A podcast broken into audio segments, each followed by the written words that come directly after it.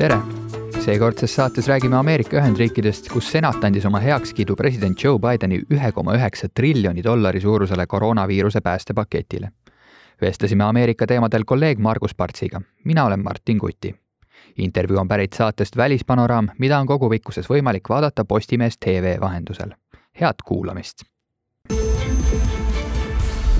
stuudios räägime lähemalt olukorrast USA-s, mul on külas kolleeg välistoimetusest Margus Parts, tere! tervist! No USA võib vist õigustatult arvata, et nende jaoks on, on pandeemia kõige raskemad ajad ehk möödas.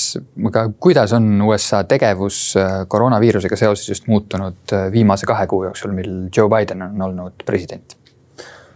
nojah, ilmselt see määratlus, et äh, hullem on selja taga, peab paika. ja noh, muidugi Bideni administratsioon on üht-teist muutnud võrreldes Trumpiga. et noh, võib-olla kõige tähtsam asi, esimene asi on see, et äh, administratsioon toetab teaduspõhist lähenemist. et noh, kõik need regulatsioonid, äh, mis Trumpi ajal tagasi keerati, on nüüd äh, uuesti jõustatud, on antud teadusele raha.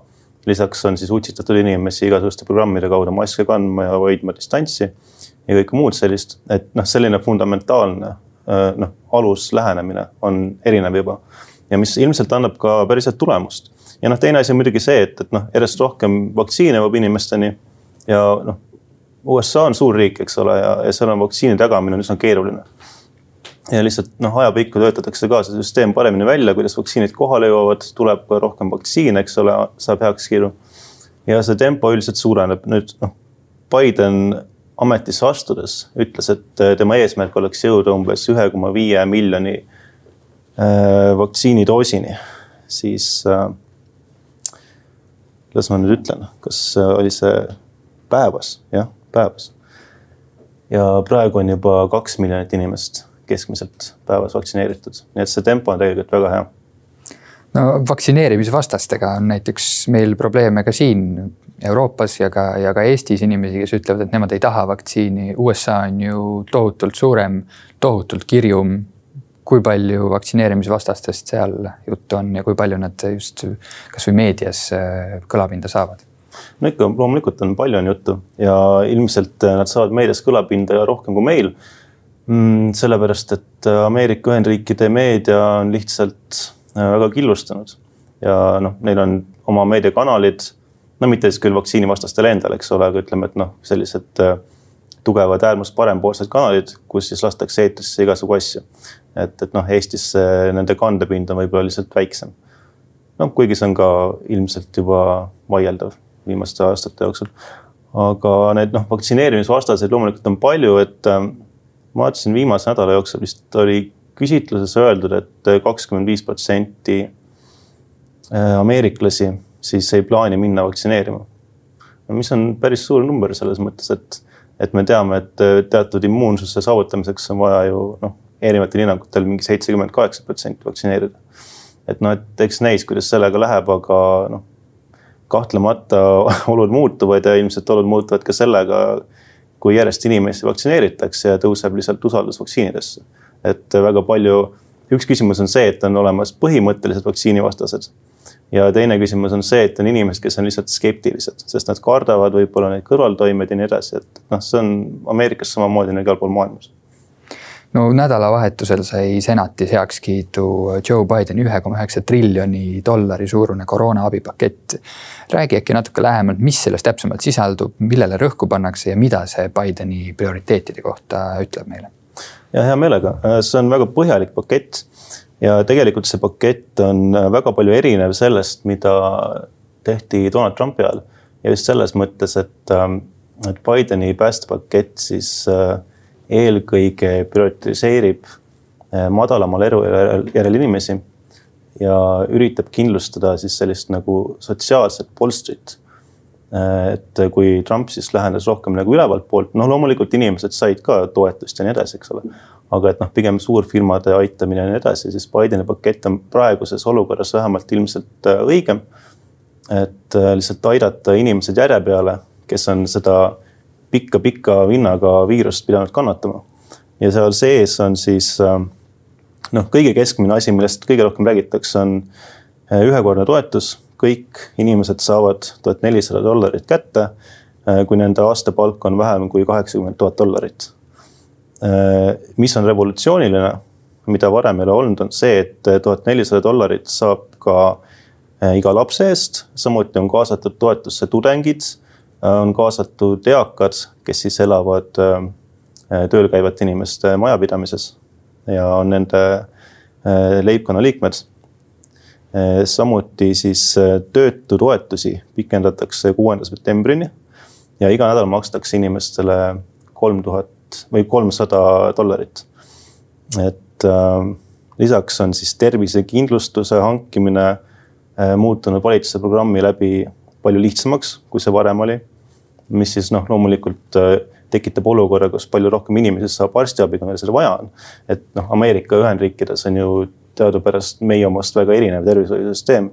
ja noh, tihti inimestel on lihtsalt võimatu minna arsti juurde, ilma et nad peaksid enda, ma ei tea, noh maja maha müüma, eks ole. noh, kujundlikult öeldes. Äh, lisaks paketis on veel äh, eraldatud miljardeid dollareid inimestele, keda ohustab näiteks kodust ilmajäämine. Kuna nad ei suuda üüri maksta, ei suuda kommunaale maksta. tegeletakse õpilaste õppelaenude küsimustega ja nii edasi aga ma tuleks korraks tagasi veel selle lastetoetuse juurde, sest see on selles mõttes huvitav teema, et Ameerika Ühendriikides äh, lastetoetust sellel kujul nagu meil ei eksisteeri. Äh, eksisteerib mingil osale lastele, aga see ei ole universaalne. Nüüd, mis selles paketis sisaldub, on see, et äh, iga lapse eest saab vanem kolmsada dollarit kuus ja saab seda terve aasta jooksul.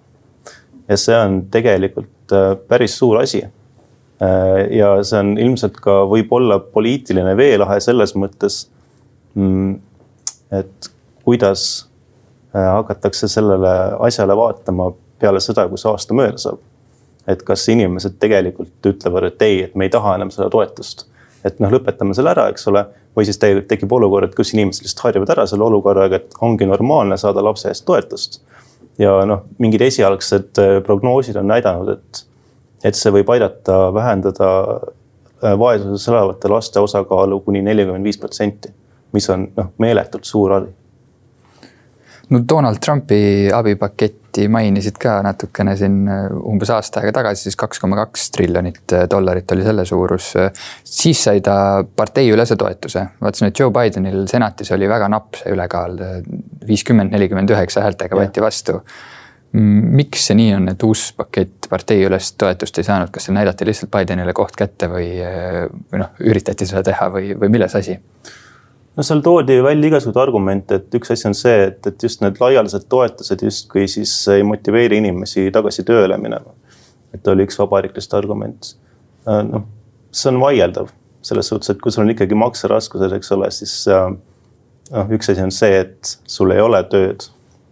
ja, ja teine asi on see, et, et kui inimestel on raha, mida kulutada, siis nad saavad selle suunata tagasi majandusse. ja turgutada niimoodi tegelikult majanduse tööle hakkamist kiiremini et noh, tegelikult ma arvan, et, ähm, et küsimus on see, et lihtsalt see pakett oli liiga, liiga progressiivne. et see nagu noh, tõepoolest selles mõttes ei olnud äh, selline äh, kuskilt nagu partei lõtkudele järeleandmine, mingitele kompromissidele minemine. ja see oli tegelikult äh, märkimisväärne ka, et, et see pakett suruti läbi põhimõtteliselt nii, nagu ta oli.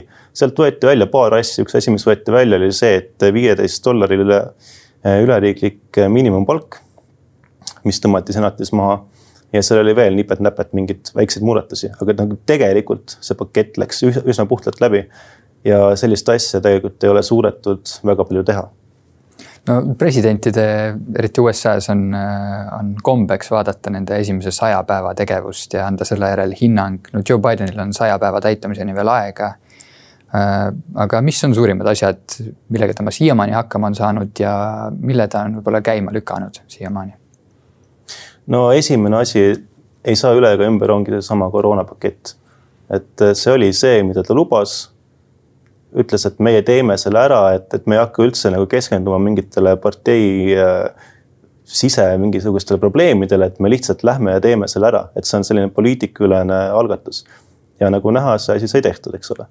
ja, ja tegelikult see on selles mõttes ka huvitav, et, et kui Bideni tegevust äh, nagu laiemalt vaadata, siis ega ta ei ole nagu üldse tahtnud kuidagi laskuda mingisugustesse poliitilistesse arvete õiendamistesse. et kui oli ka Donald Trumpi taganemisprotsessis, tegelikult Biden hoidis väga madalat profiili, et ta nagu ei tahtnud seda üldse kommenteerida. ja samamoodi selle päästepaketiga ka, et, et ta pidas läbirääkimisi ka isiklikul tasandil vabariiklastega, et saada inimesi nõusse. aga mingit sellist kuidagi tavapärast nagu poliitilist mingit jagelemist ei ole olnud ja noh, kui nüüd poliitikast täpsemalt rääkida, siis et noh, lisaks koroonapaketile äh, on siis Biden. Äh, no tal on olnud väga selline kiire algus, ütleme nii. et, et me mäletame siis ju kuu aega tagasi ta allkirjastas meeletult palju täitevmäärusi ja väga paljud neist puudutasid äh, kliimamuutusi, puudutasid rohetehnoloogiat ja teadust. Ehk siis noh, näiteks Pariisi kliimaleppega taasühinemine, eks ole Äh, teadusregulatsioonide äh, siis uuesti äh, jõustamine ja noh, kõik muud sellised asjad. et see näitab Bideni prioriteete ja need prioriteedid on tegelikult nii-öelda reaalses poliitikas jäänud täpselt samaks, mis tal oli enne sõnades. nii et noh, tegelikult mingis mõttes võib öelda, et, et Bideni algus on olnud väga hea noh, vara on ilmselt hinnanguid anda, aga, aga et lootustandev on see, et, et kui need asjad siin kõik siis ka ellu saavad viidud et. nojah, see on loomulikult ka maitse küsimus, et mm, -hmm. et kes mida väärtustab, aga mm -hmm. ütleme lihtsalt noh, reaalsest poliitilisest olukorrast, kui poliitik lubab midagi ja ta viib selle ellu, siis järelikult võib öelda, et on edukas. Äh, räägime natuke ka Donald Trumpist. Äh, pärast seda tema Twitteri keeldu oli pikka aega vaikus, me väga ei teadnud, mida, millega ta üldse tegeleb. nüüd ilmus ta natuke aega tagasi siin äh, ühe kõnega avalikkuse ette. mida me tema tulevikuplaanide kohta sealt teada saime? ma tahaks öelda, et suurt mitte midagi ei saanud teada. et, et see kõne oli selline klassikaline Donald Trump. et äh, läks rahva ette sõnadega did you miss me, kas te tundsite minust puudust, eks ole, ja siis hakkas hakkas seal inimesi maha tegema. et äh, noh, Trumpi stiil on alati olnud kaootiline ja, ja ega see ettekanne, see esinemine ei olnud seal mitte mingisugune erand. Äh, aga ütleme neid killukesi tuli sealt ja tuli ka, on tulnud ka mujalt, et mida Trump võib plaanida. nüüd üks asi, millest räägiti, oli see, et võib-olla äh, Trump kavatseb luua mingisuguse kolmanda partei ehk siis äh, lüüa lahku sellest vabariiklaste parteist. et noh, see kuuldus on justkui maha maetud ja noh, see ei ole ka poliitilises mõttes loogiline, sest kui Ameerikas on kahe partei süsteem, siis sul ei ole mitte mingi võimalus ega võimalik ennast maksma panna kolmanda väiksema parteina, see lihtsalt ei tööta.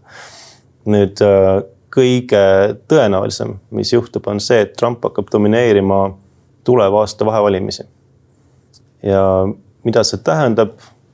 Ilmselt tähendab seda, et paljude vabariiklaste elu läheb keeruliseks. eriti nende elu, kes on olnud Trumpi vastu, on võtnud sõna või on näiteks hääletanud tema vastu tagandamisprotsessis et äh, tõenäoliselt tema mõju, mõju võib mitte kuhugile ei kao.